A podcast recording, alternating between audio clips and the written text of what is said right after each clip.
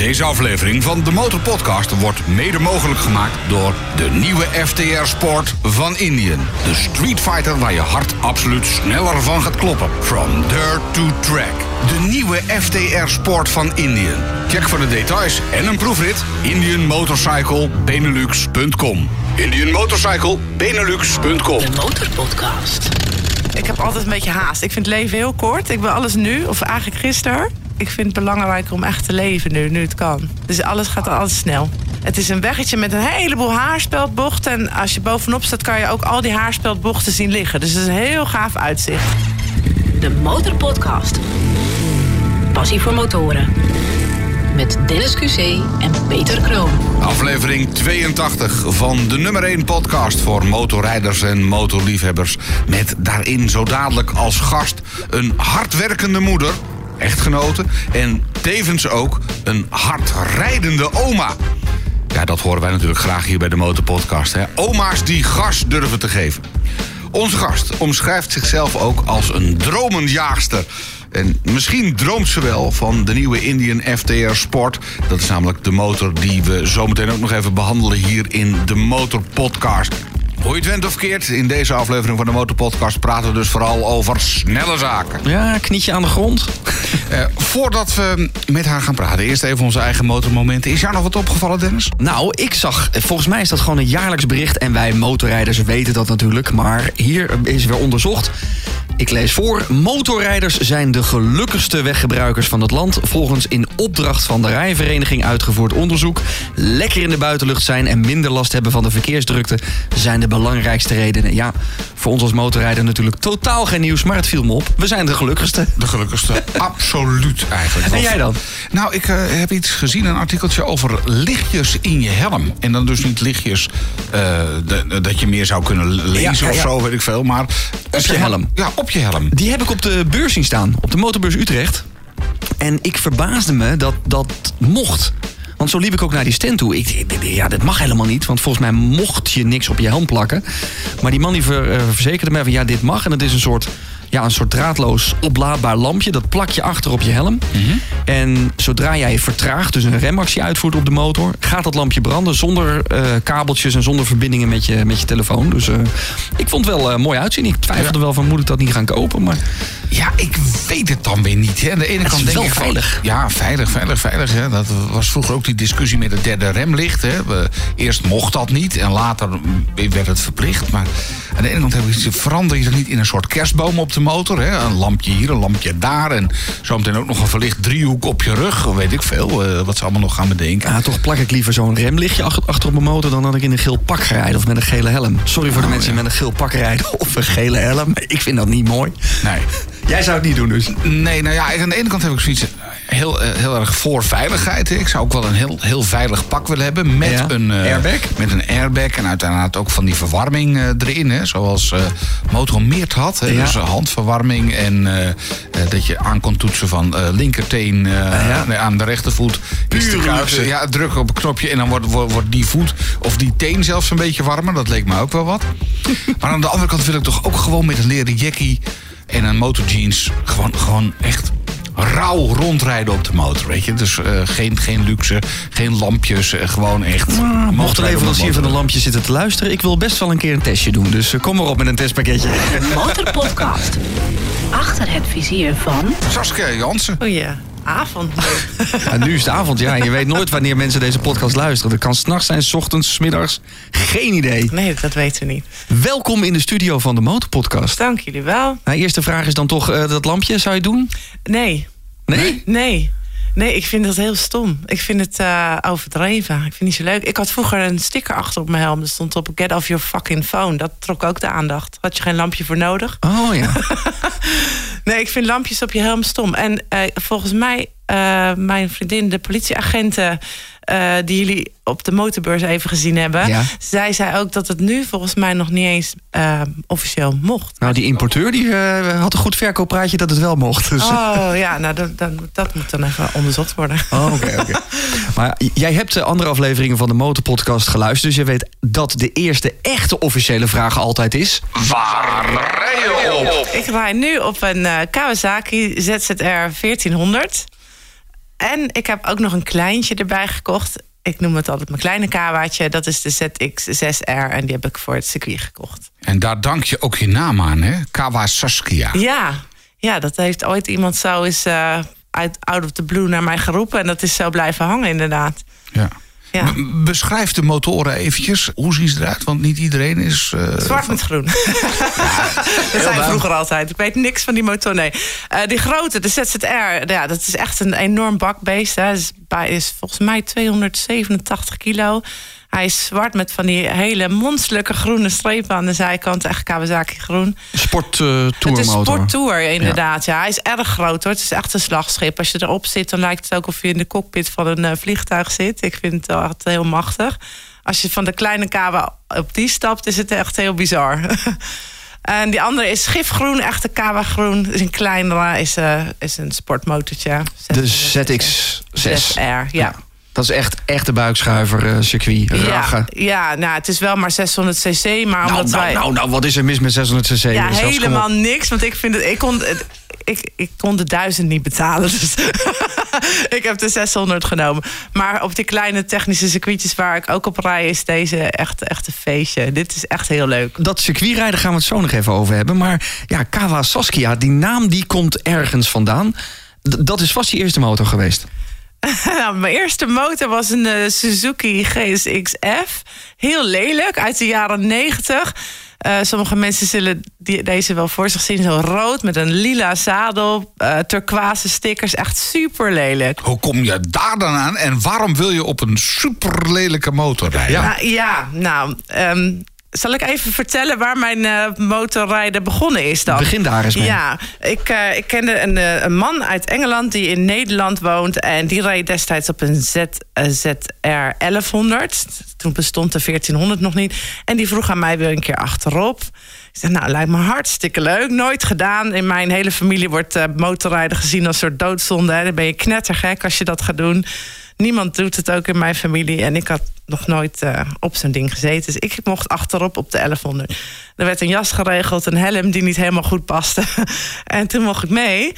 En eh, uiteindelijk gingen we zo hard dat ik echt, ik voelde de druk van die helm in mijn voorhoofd. En ik dacht, wow, ik keek ook een beetje zo schuin naar de grond. Ik dacht, ik durf mijn hoofd niet te bewegen, want dan eh, breekt hij af. en toen stopte hij op een gegeven moment, zijn vizier open en hij sprak Engels en hij zei, bloody hell, are you still on there? en ik dacht, hoe hard gingen we? Hij zegt 300 kilometer per uur. Serieus? Serieus. En, ik, en sinds die dag dacht ik, dit wil ik leren. Dit wil ik ook kunnen. Ik vond het echt zo tof. En toen ben ik gaan eh, les nemen. Dat heb ik ook aan niemand verteld. Want ik heb, daarvoor had ik een heel ernstig paardrijongeluk gehad. Heb ik een tijdje in de rolstoel ook gezeten. En dan ben je weer helemaal opgeknapt. En dacht, nu ga ik motorrijden. Dus ik heb dat aan niemand verteld. Waar- waar- waarom? Omdat je bang was dat mensen zouden zeggen... dat is weer Nou, gevaarlijk niet doen? Ja, mijn moeder, die, eh, toen ik mijn moeder uiteindelijk vertelde dat ik geslaagd was voor mijn motorrijbewijs, ze vroeg ze of ik een doodswens had. ze vond het helemaal niet leuk. Ehm, maar zo is, dat, eh, zo is dat begonnen. En ehm, toen ik mijn motorrijbewijs toen haalde, toen eh, hadden wij een couriersbedrijf en een autobedrijf. En ooit had iemand dus die hele lelijke Suzuki ingeruild op een auto. En ehm, omdat niemand enthousiast was voor mij en mijn motorrijbewijs, eh, kwam er ook geen mooie, dure nieuwe motor. Toen zei nou, dan pak ik deze die daar staat. Oké. Er zat een gat in de tank, dus dat moest even vervangen worden. maar daar heb ik toch nog negen jaar mee rondgereden. Serieus? Ja, ik heb hem, ook, ik heb hem wel helemaal zwart gespoten, dan leek hij nog een beetje cool. En ik kan me ook nog heel goed herinneren dat toen hij zwart was, dacht ik, zo nu is die echt wel gaaf. En ik voelde me heel stoer. En toen stond ik een keer voor een stoplicht. En ehm, ik voelde me echt heel erg goed. Ik voelde me echt eh G.I. Jane op dat ding. En toen stopte er een man naast mij op een hele mooie shiny Ducati. En die trok zijn vizier open. En dat wou ik ook doen, maar dat, kon, ging niet. Zat klem. Je kent wel, je bent nog een beetje onhandig. Dus dat ding ging hem je open. Zweten. En die man die zegt, heeft dat ding soms op de bodem van de oceaan gelegen? Al lekker positief. Ja, vond ik ook wel jammer. Op zijn shiny Duke ernaast. Ja, hele mooie. Echt, volgens mij was dat een hele splinternieuwe motor. Hij was zo mooi. En hij, hij gaat echt af bij dat groene stoplicht. En ik laat hem natuurlijk afslaan. En dat was gelijk mijn hele ego eh, Ja. was verbrijzeld. De Motorpodcast. En heb je toen zelf snel ook eh, de 300 aangetikt op je eigen motor, op die Suzuki? Eh, de Suzuki kon dat niet. Oh nee, natuurlijk niet. Nee, die, had, eh, die power had hij niet. En ik ging ook met die Engelse vriend wel eens samen. En dan voelde ik wel alsof ik op een soort eh ja, poeg maxi zat. Vergeleken bij hem. Want de Suzuki had niet heel veel power, moet ik zeggen. Maar om te leren was het hartstikke goed. Maar je hebt ergens eh Suzu Saskia ingeruild voor Kawa's Kawa Saskia. Ja. Saskia had ik al ook leuk gevonden, ja, Ja. inderdaad. Maar, en mijn zoon die zei laatst... als je nou straks te oud bent om te motorrijden... kan je altijd nog in een Saskia gaan rijden. Je bent toch nooit te oud om te motorrijden? Hou. Ja, ja, we gaan het zien. Maar ergens heb je de overstap gemaakt en ben je naar de Kawa gegaan. Ja, eh, die Suzuki heeft dus negen jaar eh, nog best wel trouwe dienst bewezen. Ondanks dat alle lak eraf bladderde. Omdat ik niet zo goed kan eh, motorspuiten. Die is uiteindelijk echt overleden. Ik, in Engeland is hij toen stuk gegaan. Met een beetje professorische werkzaamheden heb ik hem nog naar Nederland kunnen krijgen. En ik dacht, ik breng hem naar de motorzaak. Die gaan ze nog wel voor mij maken. Daar zei de monteur nog net niet... eh, heb jij een eh, verstandelijke beperking, joh? Want dat ding was echt heel erg eh, op. Ja. Die, hij zegt, je kan er nog 150 euro voor krijgen in onderdelen. en daar was ik eigenlijk best wel ziek van. Toen kwam er nog een Suzuki, eh, tweedehands, van Marktplaats. Ik dacht, nou ja, deze zag er wat glimmender uit. Ik had er nul verstand van, hè. laten we dat even opstellen. Ik wist niks van motoren, alleen de kleur. Ah, dat is of- belangrijk. En of die me aansprak en dat was het. Dus die gaf na twee weken al de geest. Dat was ook geen goede aankoop geweest. Kostte ook niks hoor. Maar... En toen dacht ik, dit wil ik niet meer. Ik wil iets moois. En toen ben ik bij de dealer gaan rondzoeken.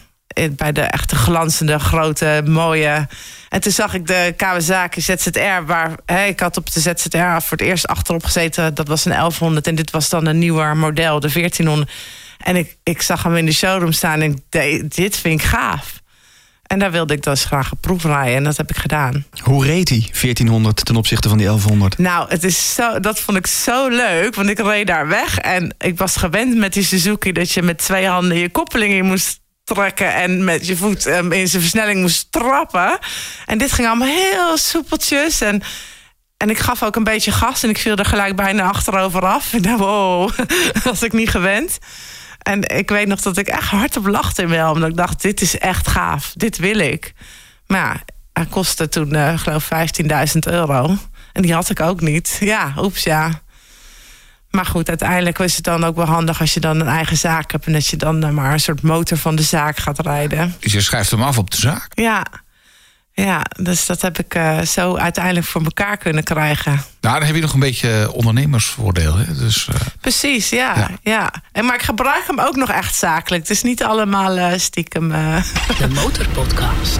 Jij bent een multi-ondernemer. Ik heb iets een trimsalon, eh courier. eh, Engeland heb ik voorbij horen komen. Je schrijft nog boeken, zei Peter.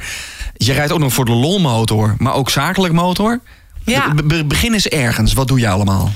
Nou, als iemand aan mij vraagt, wat doe jij? Dat, 9 van de 10 keer zie ik eh, een beetje afgunst altijd bij deze vraag. Hè? Want ik ben heel veel op reis, dus dan wordt er altijd gevraagd... wat doe jij? En eigenlijk bedoelen ze, waar doe je het van? Maar ik zeg altijd dat ik fulltime prinses ben. En dat ik dat iedereen kan aanraden. fulltime prinses.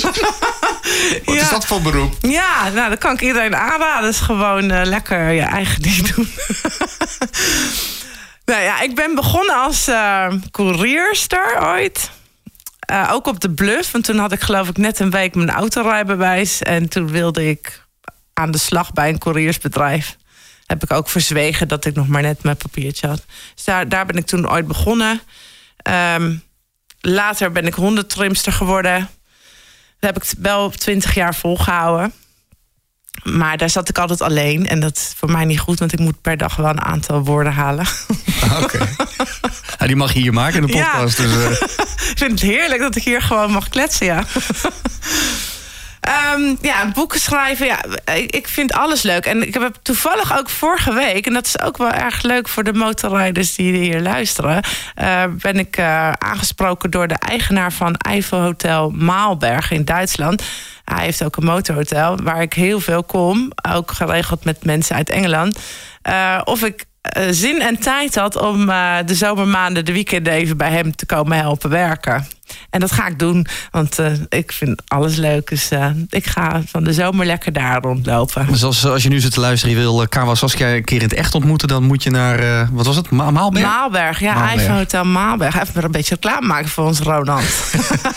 Maar vertel, jij woont de helft van het jaar in Engeland. Want jij klampte ons aan op de motorbeurs. En ik had al snel door, nou, in deze vrouw zit heel veel motorpassie. Want dat zoeken wij, mensen met motorpassie. En je zei, ja, maar ik woon de helft van het jaar in Engeland. Ik rij 35.000 kilometer, maar dan vooral in Duitsland. Nou, toen had ik kortsluiting. nou, eh, de meeste kilometers die ik heb gemaakt op deze Kawasaki, hè, de nieuwe Kawasaki toen, die liggen in Engeland hoor. Daar, daar ik het allermeest. Ehm, mijn, mijn broer, eh, die ook motorrijdt trouwens, hij heeft zelf vijf motoren. Hij woont al eh 25 jaar in Engeland. Eh, Daar is het ook doorgekomen. Eh, mijn broer emigreerde. Ik ging heel vaak bij hem op bezoek. En toen heeft hij mij ook lid gemaakt van een motorgroepje in Engeland ja, op een gegeven moment gaat dat, dat werd groot en je krijgt veel vrienden daar, veel vriendinnen. eh, en ik ben ook altijd, als ik iets, iets me leuk lijkt, ga ik dat doen. Hè, dus dan ga ik daar een, dagje helpen. En voor je het weet heb je soort twee levens. Dus nu ging ik de hele heen en weer reizen. Want ik zou het liefst wel voor altijd in Engeland wonen, maar ik heb man en kinderen en kleinkinderen. En die willen dat niet. Dus, dus daar heb ik deze optie gekozen om gewoon continu heen en weer te gaan. Maar wacht even. eh, man, kind, kleinkinderen en... eh, eh, hoe dan? Eh, ja, ik, ik heb wel een idee, maar je ziet er nou niet echt bepaald uit als een oma. Totaal niet. Oh ja, ik vind het ook heel leuk als ik mijn kleindochter uit school haal. Ze roept, dat is mijn oma. En dan zie je echt iedereen kijken van, hm? dat vind ik fantastisch. Ja. Er staat ook zo'n klein roze kinderfietsje naast de kawa soms. Dat is heel leuk.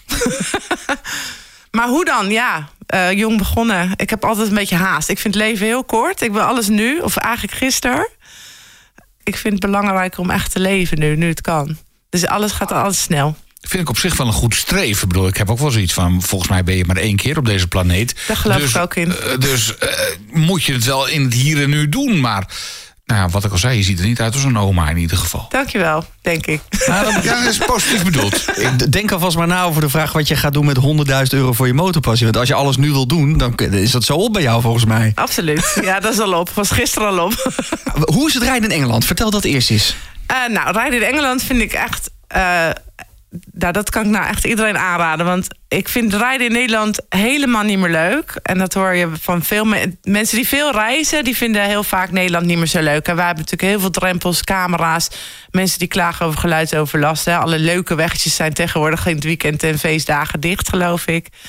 Dat, dat heb je in Engeland helemaal niet. Engeland is een heel motorminded land. Merk je ook op de weg, wordt goed rekening altijd met je gehouden. Hè? Daar kan je lekker filteren door de files. Dat, daar is iedereen ook wel aan gewend. Als je file hebt, want ik rij heel graag Zuid-Engeland. Nou, daar kom je uren niemand tegen. Dat vind ik het allermooiste. Dus als je daar naartoe wil, is het wel een dingetje. Als je dat niet gewend bent, want je, ze rijden daar natuurlijk links. Ja. Dat is wel even een dingetje. Hè? Want iedereen denkt dat, nou, dat kan ik wel. Maar links een rotonde, dat lijkt me het Heerlijk lastigste. vind ik dat. Dan moet je echt gewoon echt een, echt een mindset. Ik probeer het nu Ja. voor mezelf te bedenken. In het begin is het heel gek, want je kijkt altijd de verkeerde kant op in het begin. Ja. Altijd. Tegen de klok in. Als, als je in Engeland een rotonde op gaat rijden, ga je gewoon. eh, ik moet nu ook nadenken, want ik switch zo vaak. Maar dan kijk je eh, altijd naar links, maar ze komen dus van rechts. En dat is ook wel eens in het begin wel eens fout gegaan. Toen ik helemaal in het begin in Engeland reed, was voor mij natuurlijk ook wennen. Nee, je rijdt met de klok mee. Ik zit nu te bedenken. Je- In Nederland... Als je de rotonde op gaat in Engeland, Tegen- ga je naar links. Daar ga je alweer. al 20 jaar mijn rijbewijs. Ja. Je kijkt naar rechts, maar je gaat links erop. Ja. Ja. En dit is dus ook gevaarlijk. Want ik, heb, ik ben graag altijd de leider van de groep. Hè, ook in Engeland. Wij hebben allemaal communicatie altijd. Ehm, en ik roep heel gauw al clear, clear. Hè. Dat betekent als we met een lange slinger zijn... dat iedereen door kan. Maar in het begin keek ik dus ook wel eens de verkeerde kant op. En dan was het dus niet clear. En dan kwam er gewoon van eh, rechts gewoon een vrachtauto. Maar dat, eh, dat heb ik nu niet meer. Maar in het begin is het echt heel moeilijk. Je kijkt echt de verkeerde kant op. Maar je zegt, ik rij met communicatie met grote groepen. We- we- Vertel. Ja, nou, ik, wij, eh, ik ben natuurlijk lid geworden toen van zo'n club in Oh, ja. Engeland. Hè? En dat is een hele hechte, hele hechte club geworden uiteindelijk. En ik heb door hun ook wel veel beter leren rijden. Het, ze noemden eh, elkaar toen altijd de, de misfits. En de retards hadden we, allemaal rare clubjes. en ja, het gaat allemaal hard daar. In Engeland heb je ook nog wel de mogelijkheid om lekker hard te rijden. In Nederland lukt dat eigenlijk nergens. Hè? Dat is gewoon bijna niet te doen. Ja, op de snelweg misschien, maar...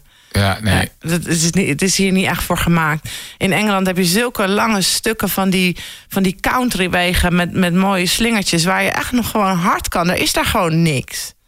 Dus dat is gewoon heel, heel leuk. Hoe is het boetesysteem daar? Want als je hier met 50 plus wordt eh, gesnapt, dan ben je je rijbewijs kwijt. Is dat daar... eh, Ja, als je staande gehouden wordt, dan heb je daar ook wel een probleempje. Dan moet je ook vaak wel gelijk aftikken daar. Maar eh, camera's en eh, dat soort dingen, die zeker doen door de brexit, die boetes komen niet naar Nederland. Dus voor mij met een Nederlandse kentekenplaat is eh, fantastisch.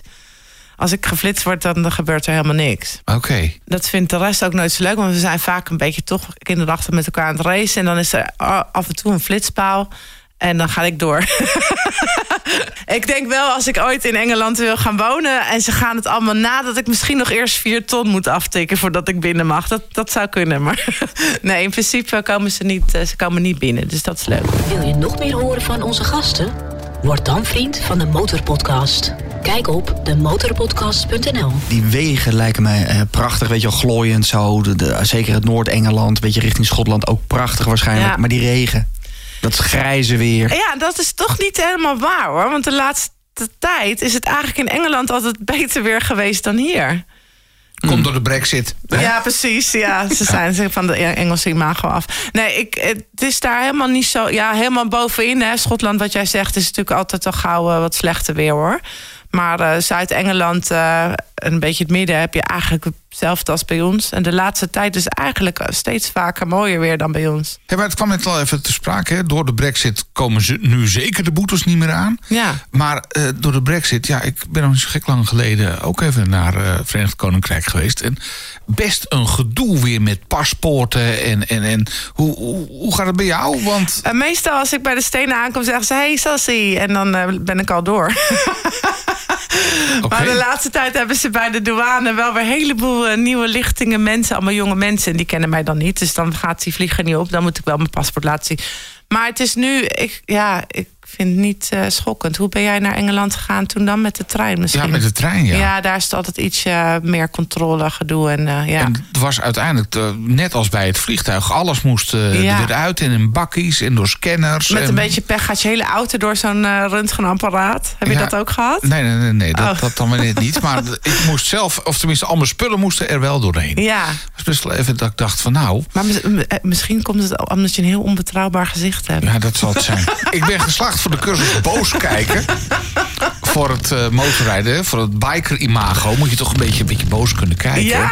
Oh, ja. Daar was ik eigenlijk in één keer voor geslaagd. Dus eh, ja, Ja, dat- maar ja, je hebt wel een Harley gezicht, zo'n Hells Angel, hè? Een Ja. Harley gezicht. Ja, Hells Angels die kijken altijd heel bozig, hè? Dus dat is- Ja, dat is- nou, dat, dat, dat is het. Daardoor ben ik altijd, eh, eh, ja, word ik altijd gecontroleerd. ja. neem Nee, je ook ik al- niet zo vaak. Neem je ook altijd de kawa mee dan als je heen en weer gaat? Altijd, ja. Altijd? Ja. Hoe is het om die elke keer mee te nemen? Is dat niet heel veel gedoe?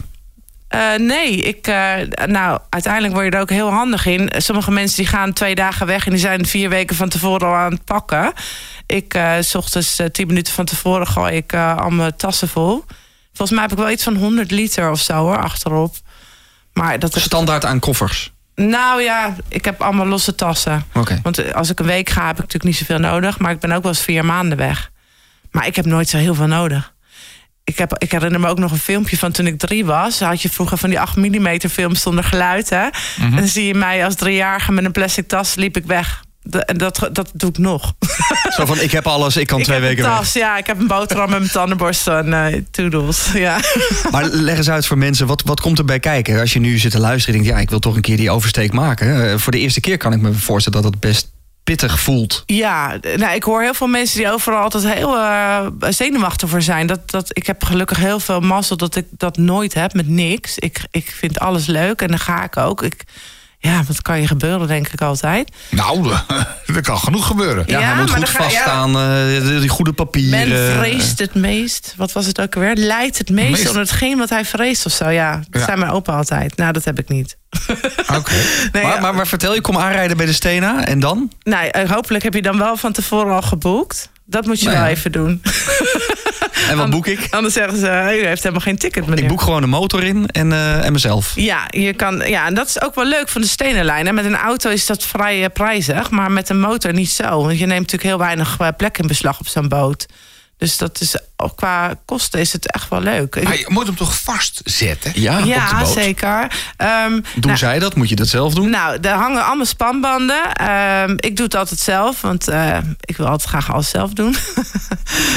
Eh, toen ik het nog niet helemaal snapte, liet ik het doen. Dus als jij, als je zeg maar alleen morgen naar Engeland wil gaan, je gaat gewoon op de site een, ticket boeken met je motor. Je komt aan, je laat je paspoort zien, je krijgt een ticket. En dan staan er allemaal mensen met oranje jassen en die wijzen je gewoon de weg die boot op. Dat kan helemaal niet missen. Het is een beetje glad, dus je moet dat wel een beetje oppassen. Dan hangen daar spanbanden, zet je hem vast. En, en ik doe die overtocht zo verschrikkelijk vaak. En ik zie altijd wie er voor het eerst is. En zie je mensen handen met die dingen. Vooral mannen eigenlijk. Want vrouwen laten het graag toch al door een ander doen.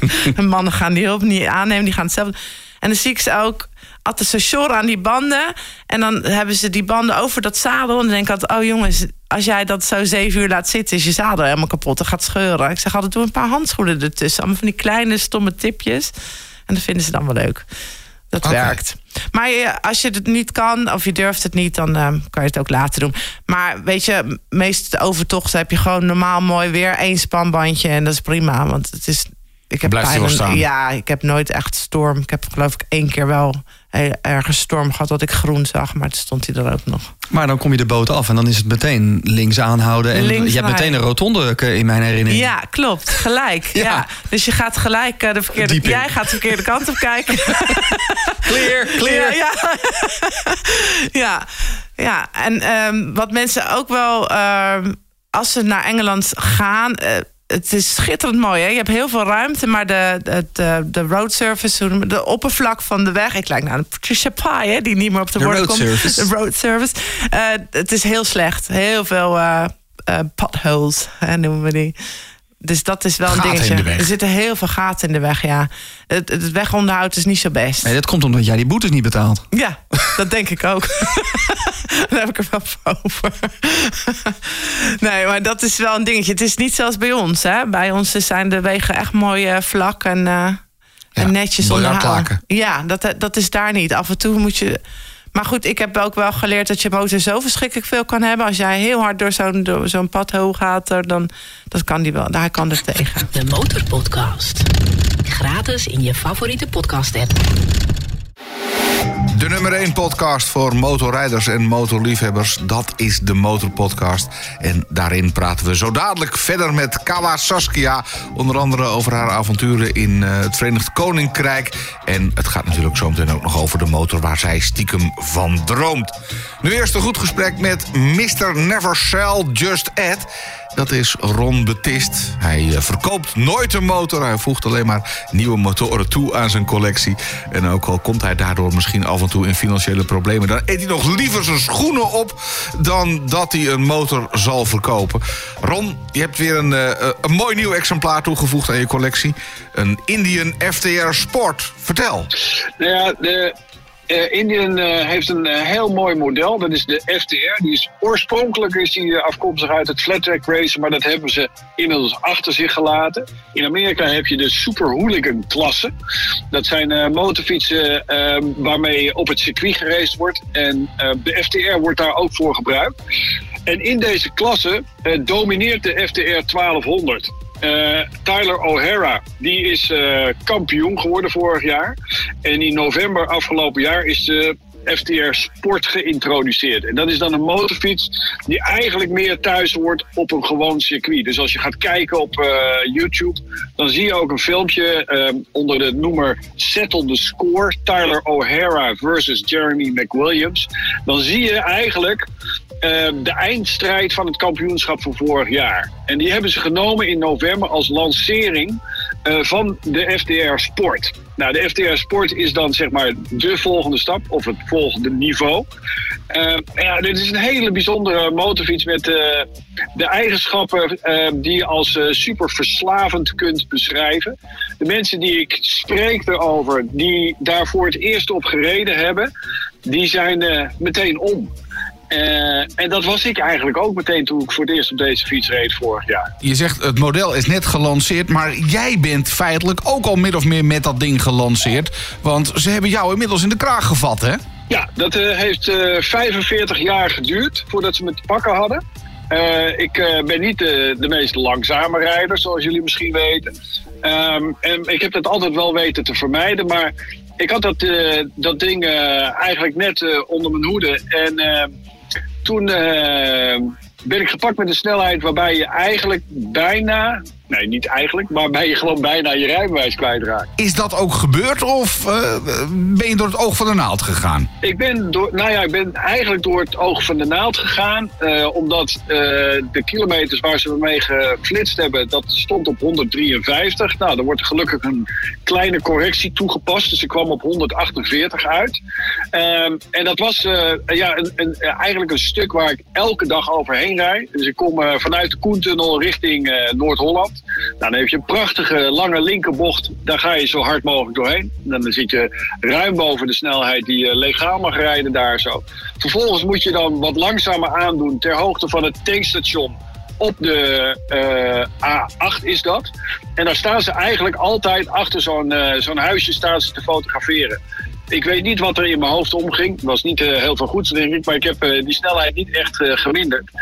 om me klaar te maken voor de volgende mooie bocht van de A8, de A7 op. is een hele lange rechterbocht. Ja. En die kun je ook met de snelheid doen waarmee ik gefotografeerd ben. 153 km per uur. Dus dat was niet heel erg slim. Je was gewoon even aan het genieten van die nieuwe FTR. En ja, dan, dan raak je wel eens even de realiteit een beetje kwijt, hè? Ja, dat, ik noem mezelf ook de, de oudste hooligan op wielen. Uh, op twee wielen, zou ik maar zeggen. Uh, op de een of andere manier wil ik, uh, wil ik niet volwassen worden. Dus de hormonen en pheromonen en weet ik veel wat je het allemaal kan noemen... die gieren door mijn lichaam en door mijn hoofd. En op het moment dat ik op dat ding stap, en dan is het gewoon klaar. Luisteraars van de Motorpodcast kunnen dat zelf ook ervaren. Kun je uitleggen hoe, hoe het werkt? Want zelf even een proefritje maken op zo'n voertuig. Het mooie daarvan is dat er loopt nu een actie tot eind mei dat iedereen die online een proefrit aanvraagt op een FTR, dat hoeft niet de FTR Sport te zijn, maar ook een van de andere drie modellen zijn. Uh, die komt automatisch in aanmerking voor het winnen van een hele speciale FTR. Echt een uniek exemplaar. Kun je dat nog eventjes even uitleggen hoe, hoe dat zit? Jazeker. Uh, Sebastian Leup, een uh, bekende uh, rallyrijder, die ook uh, aan de Parijs-Dakar, het heet tegenwoordig de Dakar, heeft meegedaan. die is naast de rallyrijder is hij ook fanatiek motorrijder. Hij heeft grote voorliefde daarvan. Die heeft een FTR ontworpen. En die wordt gebouwd door Tankmachine in Frankrijk. En tijdens Wheels and Waves in juni wordt deze motorfiets verloot. Er zijn er twee gebouwd. Vanzelfsprekend gaat er één naar meneer Leup toe. En de tweede die wordt uh, verloot onder iedereen die tot eind mei een proefrit online aanvraagt op een FTR. Kijk. Dus dan hoef je feitelijk alleen maar iets leuks te doen op de motor. Even een proefritje te maken. Kost je eigenlijk niks. En dan zou je zomaar zo'n ja, uniek exemplaar kunnen, ja, kunnen winnen. je moet er alleen voor zorgen dat je niet uh, je gedraagt op de weg zoals ik dat wel eens doe. Nee, maar dat knippen we er gewoon uit, Ron. um, maar we maken het nog mooier. Uh, uit de mensen die zich binnen de Benelux uh, inschrijven voor een proefrit op een FTR ja. uh, tot 31 mei. Uit die selectie wordt er Indian Motorcycle Benelux ook nog eens een keertje. Er worden acht mensen geselecteerd. Die worden uitgenodigd voor een track day in juli. Samen met MCT, Motorcircuit Training, op het circuit van Midland in Lelystad. En daar kan je hem dan wel eventjes uh, vol gas uh, proberen. Dus het enige wat je moet doen, is even een proefritje maken op de, de nieuwe Indian FTR Sport.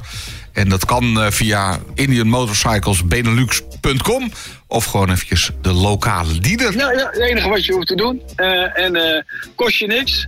Alleen eh, een glimlach, denk ik. Nou Ron, bedankt weer voor het delen van jouw motorpassie hier in de Motorpodcast. Veel rijplezier en tot de volgende keer. Groetjes. Hoi. De Motorpodcast. De nummer 1 podcast voor motorrijders en motorliefhebbers.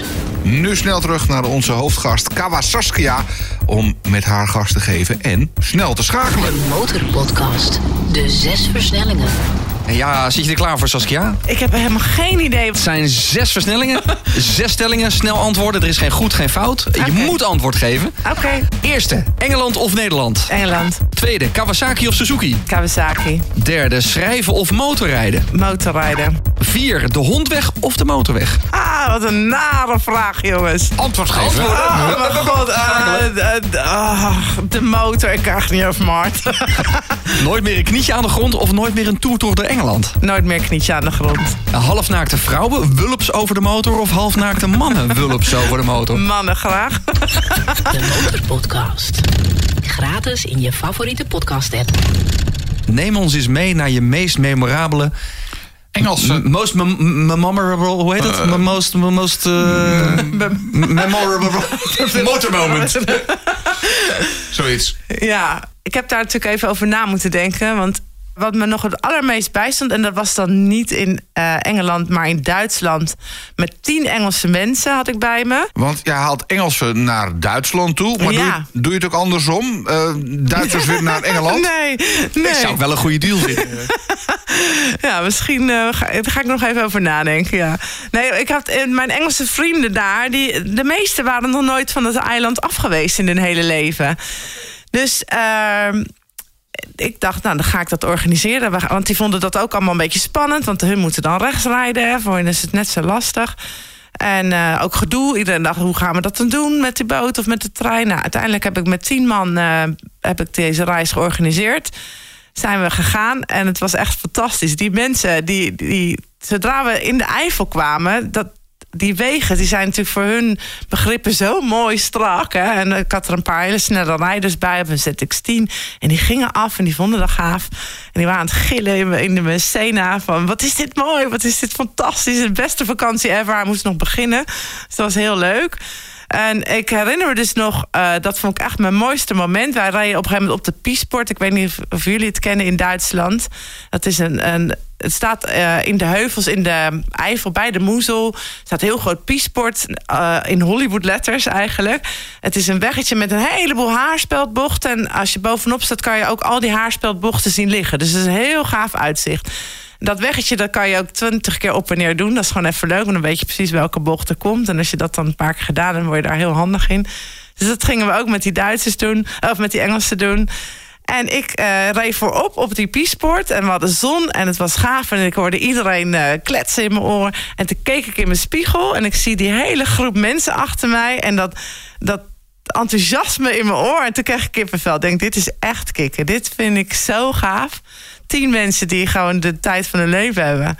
En dacht, dat heb ik geregeld. Dat vond ik gaaf. Maar hoe kom je aan die mensen? Je gaat naar Engeland en, en je sluit je daar aan bij een motorclubje. En zeg je dan van: Mensen, ik heb nou toch zo'n briljant idee. We gaan even lekker met z'n allen naar Duitsland.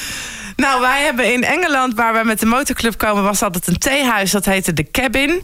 Eh, daar verzamelden wij altijd met z'n allen. Er is een hele grote parkeerplaats, dus alle motoren waren daar ook welkom. Het werd uiteindelijk echt een beetje een motormeetingplek. hè.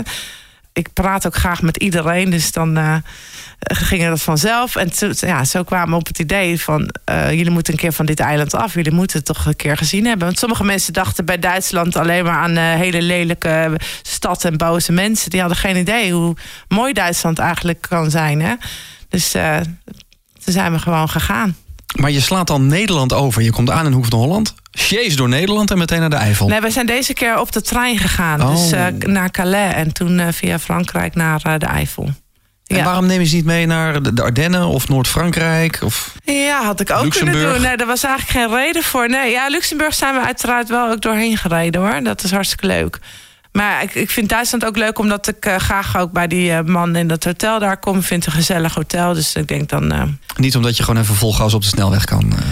ja, dat is ook leuk. Oh. Ja, want je bent ook van de snelheid. eh. Ja, ik hou wel van een beetje gang erin, ja. Ja, want de vijfde stelling was nooit meer een knietje aan de grond of nooit meer een toertocht. En dan kies je toch voor nooit meer een knietje aan de grond. Terwijl Ja, je dat- instructeur bent bij motorcircuittraining. Ja, ja, maar knietje aan de grond is natuurlijk helemaal niet zo belangrijk. Hè? Dat kan ik wel missen hoor. Ja? Ja, ik, ik doe het ook op het circuit helemaal niet zo vaak. Ik kan het een beetje. Ik ben niet super goed hoor. Laten we dat. Ik, ik kan niet overal zomaar mijn knie aan de grond. Het kost nog af en toe een beetje moeite. Ik kan het wel. Maar op het circuit vind ik dat ook zeker wat ik doe. Hè. Wij geven natuurlijk bochtentrainingen bij motorcircuittraining. Het gaat natuurlijk helemaal niet om eh, dat je een knie aan de grond kan. Nee, je wil gewoon goed eh, je motor leren beheersen en een beetje leuk kunnen gaan sturen. Dus dat, dat knietje is helemaal niet belangrijk. Dan toch even de obligate vraag. Hoe is het dus als vrouw instructeur te zijn bij MCT? Is dat anders in het mannenwereldje? Nee, volgens- Nee? nou vind ik eigenlijk niet. Nou ja, ik denk wel, wat ik heel leuk vind eh, van MCT is dat ze hebben heel veel vrouwen aangetrokken. En ik denk ook met de reden omdat er steeds meer vrouwen gaan rijden. En die zijn over het algemeen vaak wat nerveuzer voor zo'n dag. Hè. Die komen soms al bijna huilend aan. En dan, ja, als je dan een beetje zo'n man hebt, een beetje stugge man hebt, die wel lekker kan rijden. Maar denkt, wat moet ik met deze vrouw die uh, heet staat te huilen? Dat is niet handig. Dus de vrouwen komen in jouw groepje. Ja, soms wel. Ja, ik, heb, eh, ik had vorige keer ook een vrouw die was de hele tijd aan het huilen. Zo gespannen was ze. En, en toen zei ik, huilend op de motor. ja, nou, gewoon van de spanning. Ja. Dus mensen vinden het toch een hele stap. Maar die denken echt, ik ga op het circuit rijden. En dan zijn ze echt wel angstig, hè? Terwijl dat helemaal nergens voor nodig is. Want ja, we zijn op een circuit, maar we gaan niet met 300 km per uur over een circuit. Het is ook de bedoeling dat je gewoon een leuke dag hebt. En uiteindelijk gaan ze ook allemaal lachend weg, nooit huilend. Gelukkig. Ja. Motorpodcast. Saskia, behalve dat je fanatiek motorrijdster bent, ben je ook schrijfster. Wat schrijf je? Eh, wat schrijf ik? Ik schrijf eigenlijk alleen maar waar gebeurde verhalen. Ik dik ze hier en daar natuurlijk wel een beetje aan. Want daar hou ik van. Ik, ik hou van drama. Ehm, als ik iets mee heb gemaakt wat heel leuk is... of heel emotioneel of eh, bijzonder... Dan, eh, dan schrijf ik daarover. En daar eh, heb ik uiteindelijk toen 80 verhaaltjes... eh, eh, geschreven voor een boek. En dat, dat boek is toen hartstikke leuk verkocht. Dat vond ik verbazingwekkend. Het was eigenlijk de bedoeling, ik wilde eigenlijk alleen één boek voor mij. Dat ik dat leuk vond, dat ik al mijn verhalen bij elkaar had. En ze hadden mij ook gezegd, je krijgt dat nooit uitgegeven, want je bent niet bekend. En dat moet je tegen mij niet zeggen. Toen werd het een ding. En uiteindelijk heb ik ook een uitgever gevonden die het eh, wilde uitgeven. En dat was hartstikke leuk.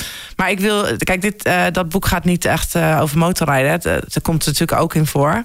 Maar ik eh, ben wel van plan om, eh, om daar nog iets mee te gaan doen in de toekomst. Maar ik moet daar even tijd voor gaan vinden. Met het boek of met schrijven over motorrijden? Schrijven over motorrijden. Oh, serieus? Ja, het is toch wel leuk. Want ik, je krijgt natuurlijk, je zijn zeker beginnende motorrijders hebben zoveel vragen ook. Hè? Of ook, ook nou, vind voornamelijk vrouwen hè, die eh, over een beetje tegenop zien en zo. Vind ik het toch wel leuk om wat dingen te vertellen hoe dat vanaf het begin tot nu gegaan is. Hè, want ik was natuurlijk eh, een beetje de, de sneuwe vrouw op de oude afgebladderde Suzuki... die ze de motor af liet slaan naar nu motorinstructrice... en volrijder van allerlei grote groepen en zo. Dus het is wel leuk. Nou heb je, of had je een hondentrimsalon. Dus wij gingen er even vanuit dat je ook een hond zou hebben. Zeker, De ja. hondweg of de motorweg, dan is het toch de motorweg. Ja, joh, dit vind ik ook. Dit is Sophie's Choice, joh. Dat moet je niet doen. Maar daar, daarom doen we het juist. kijk, kijk, als ik mijn motor wegdoe en dan uiteindelijk sterft mijn hond op, eh, weet ik veel, twaalf jaar geleden koop ik gewoon weer motor. Dus, dus Oh, ja. win-win, hè? Ik ga niet die hond wegdoen. Wat zou je hebben gereden als jij geen Kawa had gereden? Wat was er dan gekomen? Oh, dat, ja, dat vind ik wel grappig. Laatst zei ook iemand tegen me: Als je nou heel veel geld hebt, wat zou je dan kopen? Ja, ik heb hem al. Ik, ik wil niks anders dan deze eigenlijk. Ik heb niet een, eh, nog een droommotor of een Nee? wens. Nee, nee, ik heb hem al. Die luxe heb ik. Hmm. Ja, ik, Dus je ik zou niet, eh, hierna niet weten wat ik dan moet eigenlijk. Je hebt niet kwijlend over de motorbeurs gelopen gedacht van... oh, die wil ik, die Heb wil ik die- nooit. Nee? Nee. Oh, nou. Ja, nee, niet kennen. dat ik ze niet mooi vind, hè. Laten, maar ik, de motor die ik heb was mijn droommotor. Oh, ja, ja. Snap je? Dus, en ik ben hem ook nog helemaal niet zat. Ik kan ook, soms dan voel je eventjes een beetje down en zo. Hè, en denk je, oh, kutdag, alles zit tegen. En denk ik, loop ik even naar de garage. En denk oh, kijk ze staan. Even aaien. Ja. Even aan en dan... eh Ja, lekker. En denk ik, ja, zit niet te zeiken. Je hebt een mooi leven, man. Maar je zien staan. Dat is van mij. Hé, maar jij gaat er dan niet eh, Wulps eh, naast of half Nee, naakt nee, op zitten? Maar dit, gelijk krijg ik al mijn haren overal. Ik vind het afschuwelijk. Wat is dat? Waar komt dat vandaan, joh?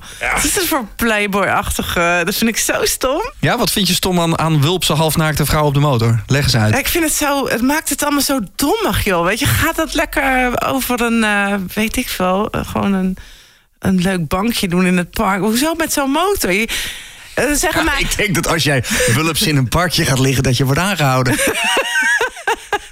Het ligt er misschien een beetje aan welk parkje, maar... Ja. Nee, ik vind het... eh, weet je, je hoort ook heel veel vrouwen zeggen... ja, word je maar niet serieus genomen? Nee, hoe zou dat nou komen? Als je met een paar hoge hakken... Hè, die zijn om aan te leggen, niet om op te lopen. Ja, ik, ik vind niks. Ik vind het stom.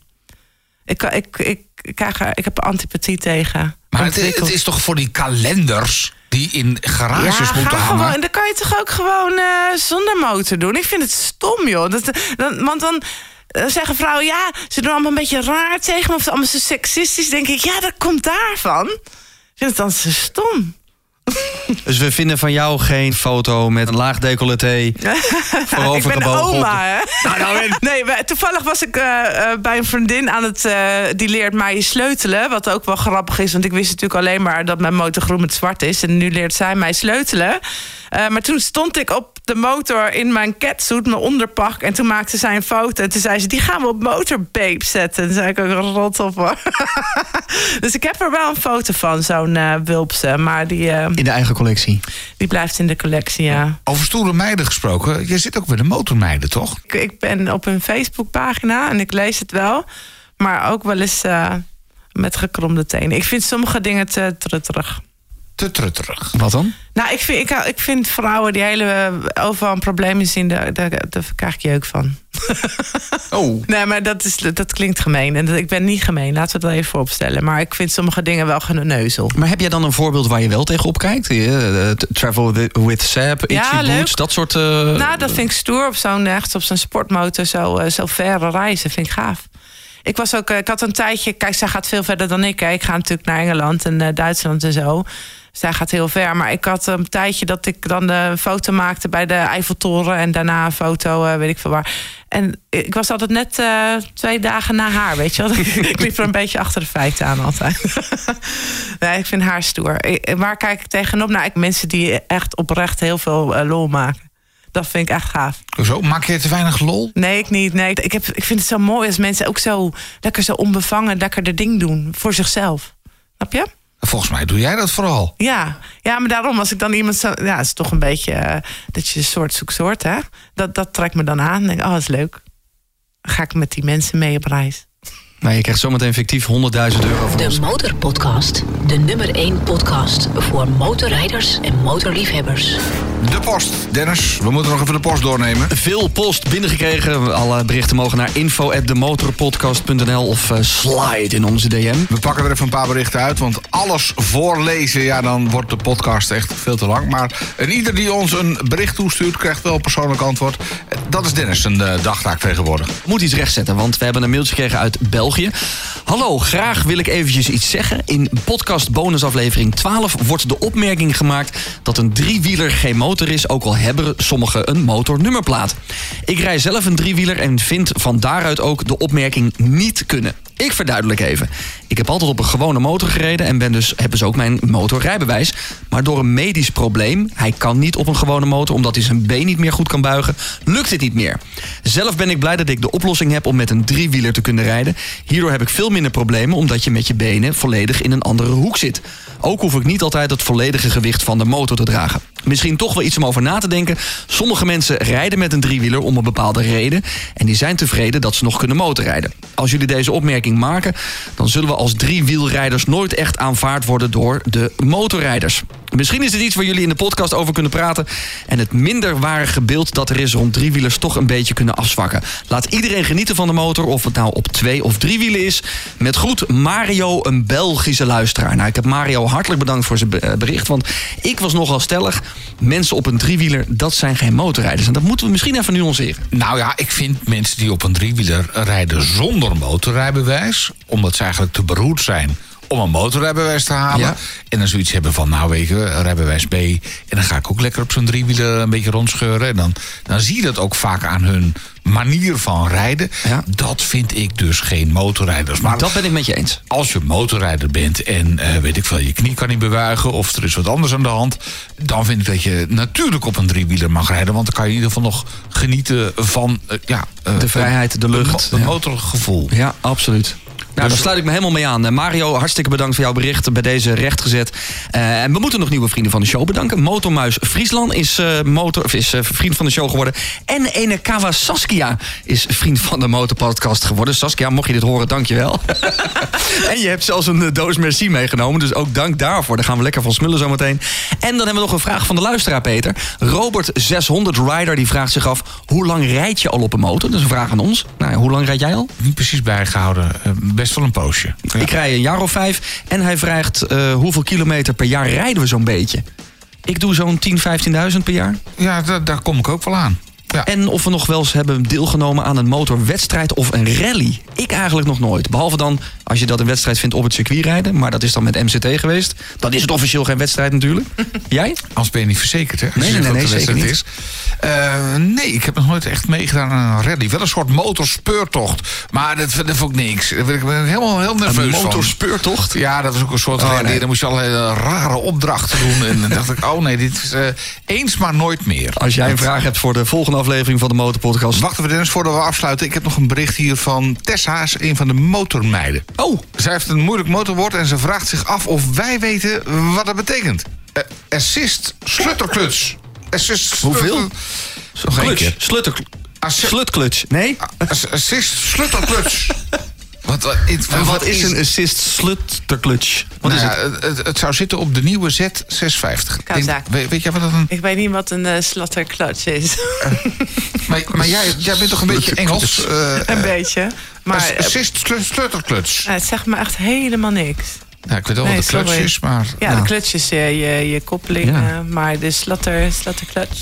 Weet jij het? Laat het weten via info.demotorpodcast.nl De Motorpodcast. Passie voor motoren. Slutterklutch. Oké. Klinkt een beetje pornografisch. Ja, slutterklutch. Sorry. Nou, wat jou betreft wel eh Wulps man op de motor, toch? Dat, eh, Eh, Pardon? Wulpse mannen? ja, nee. Halfnaakt op de motor? Dat was ook Ja, een als ik van moest de... kiezen hè, tussen de halfnaakte vrouwen of halfnaakte mannen, dan ging ik voor de mannen, ja.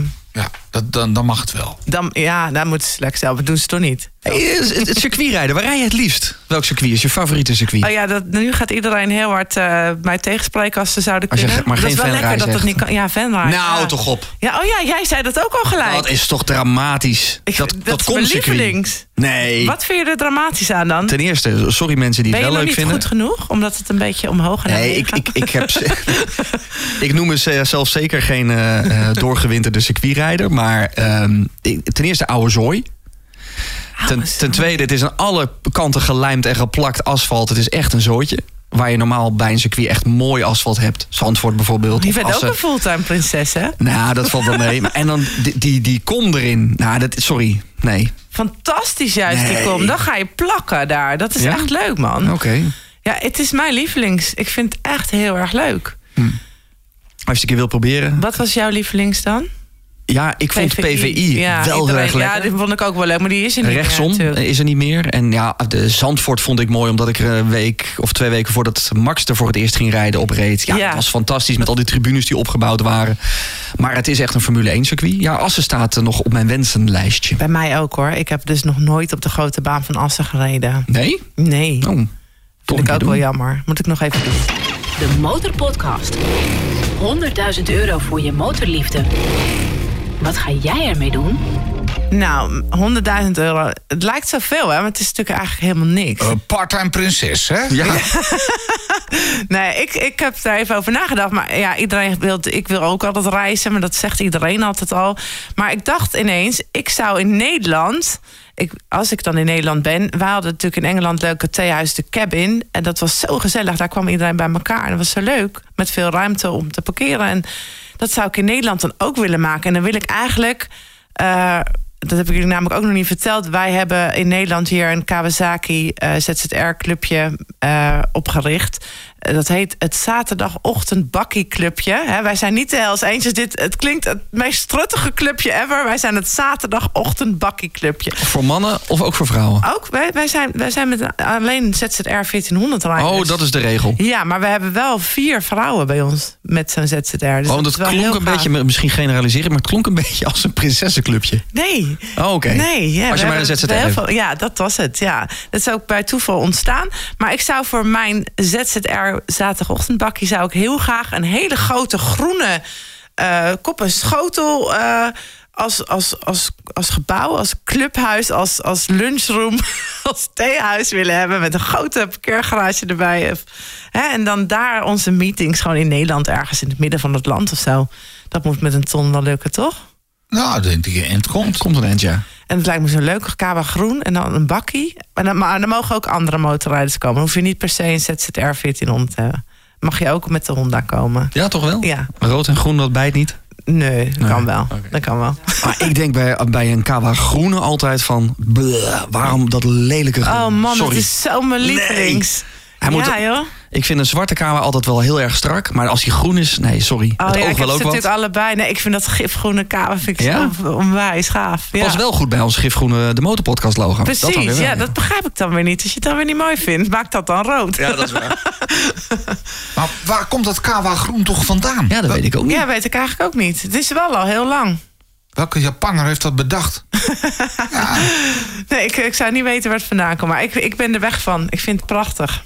Maar jij hebt connecties bij Kawasaki. Ze hebben zelfs Kawa Saskia op je motor geplakt. Ja, nou dat hebben ze eigenlijk hier in Bodegraven gedaan. Ehm, ik had eh, een tank met problemen. Die, eh, die moest steeds opnieuw gespoten worden. En toen, eh, omdat iedereen me altijd KW Saskia noemde... zeiden ze daarvan, is het niet leuk om dat met de originele letters erop te doen? Ik zeg, ja, leuk, doe maar. Het staat ook op mijn pak. Dat heeft een, weer een vriendin in Engeland. Die maakt eh, racepakken. Die heeft dat voor mij op mijn pak gemaakt. Het staat overal op, op mijn helm. Ik heb nu zelfs, als ik gewoon Kawasaki zie staan... dat het raar eruit ziet. Snap je wat ik bedoel? Het lijkt zo kort. Dat de auto correct al zegt, dit is fout. Ja, ja, ja. Het is, ik denk ook wel eens als ik nou mijn motor ga verkopen... hoe lang zou het duren voordat zo'n vent doorheeft... dat er helemaal geen Kawasaki op staat. Oh, dat zou wel wat zijn, ja. Hey Saskia, ik denk dat we gewoon eventjes naar de nabrander moeten... speciaal voor vrienden van de show. Want volgens mij zitten in jou nog honderdduizend eh, andere memorabele motormomenten... en fantastische verhalen. We hebben als eh, dank voor de komst naar de studio van de Motorpodcast... nog een eh, handig schoonmaken visierreiniger gezet. Wat lief, dankjewel. Want als je al die kilometers maakt, 35.000 per jaar... dan is je vizier wel eens vies. Ja, wel eens, ja. En hiermee in handomdraai weer handig schoon. Dank voor je komst naar onze studio en het delen van je motorpassie. We gaan dus een nabrander opnemen voor vrienden van de show. Ben jij nou nog geen vriend van de show? Ga dan snel naar onze website demotorpodcast.nl en word dan vriend van de show. Je hebt geluisterd naar aflevering 82 van eh, de Motorpodcast. De podcast waarin we elke aflevering praten met iemand over de passie voor motoren. Wij, Peter Kroon en Dennis Cusé, maken hem vanuit studio het Kroondomein in Hilversum. En vind je hem dan nou leuk? Deel hem dan vooral met andere motorrijders met wie je wel eens een dagje gaat rijden. En luister je via Spotify, druk dan op volgen. Want dan krijg je automatisch de volgende aflevering. En daarin praten wij met Rob en Daphne. Dat is op zich niet zo bijzonder, Rob en Daphne. Maar het bijzondere is dat zij vaker op de motor zitten dan op de bank thuis. Ze organiseren groepsreizen naar de tofste plekken op de wereld. Denk aan Roemenië, West-Australië, maar ook de Isle of Man. Jou waarschijnlijk ook niet onbekend, Saskia. En eh, Marokko. Ook hebben ze een fantastische reis gemaakt over het bevroren Baikalmeer in Siberië. Met min 42. Dit en nog veel meer in de volgende aflevering van... De Motorpodcast. Gratis in je favoriete podcast-app. Deze aflevering van de Motorpodcast werd mede mogelijk gemaakt door de nieuwe FTR Sport van Indian. De Street Fighter waar je hart absoluut sneller van gaat kloppen. From dirt to track. De nieuwe FTR Sport van Indian. Check voor de details en een proefrit indianmotorcyclebenelux.com. Indianmotorcyclebenelux.com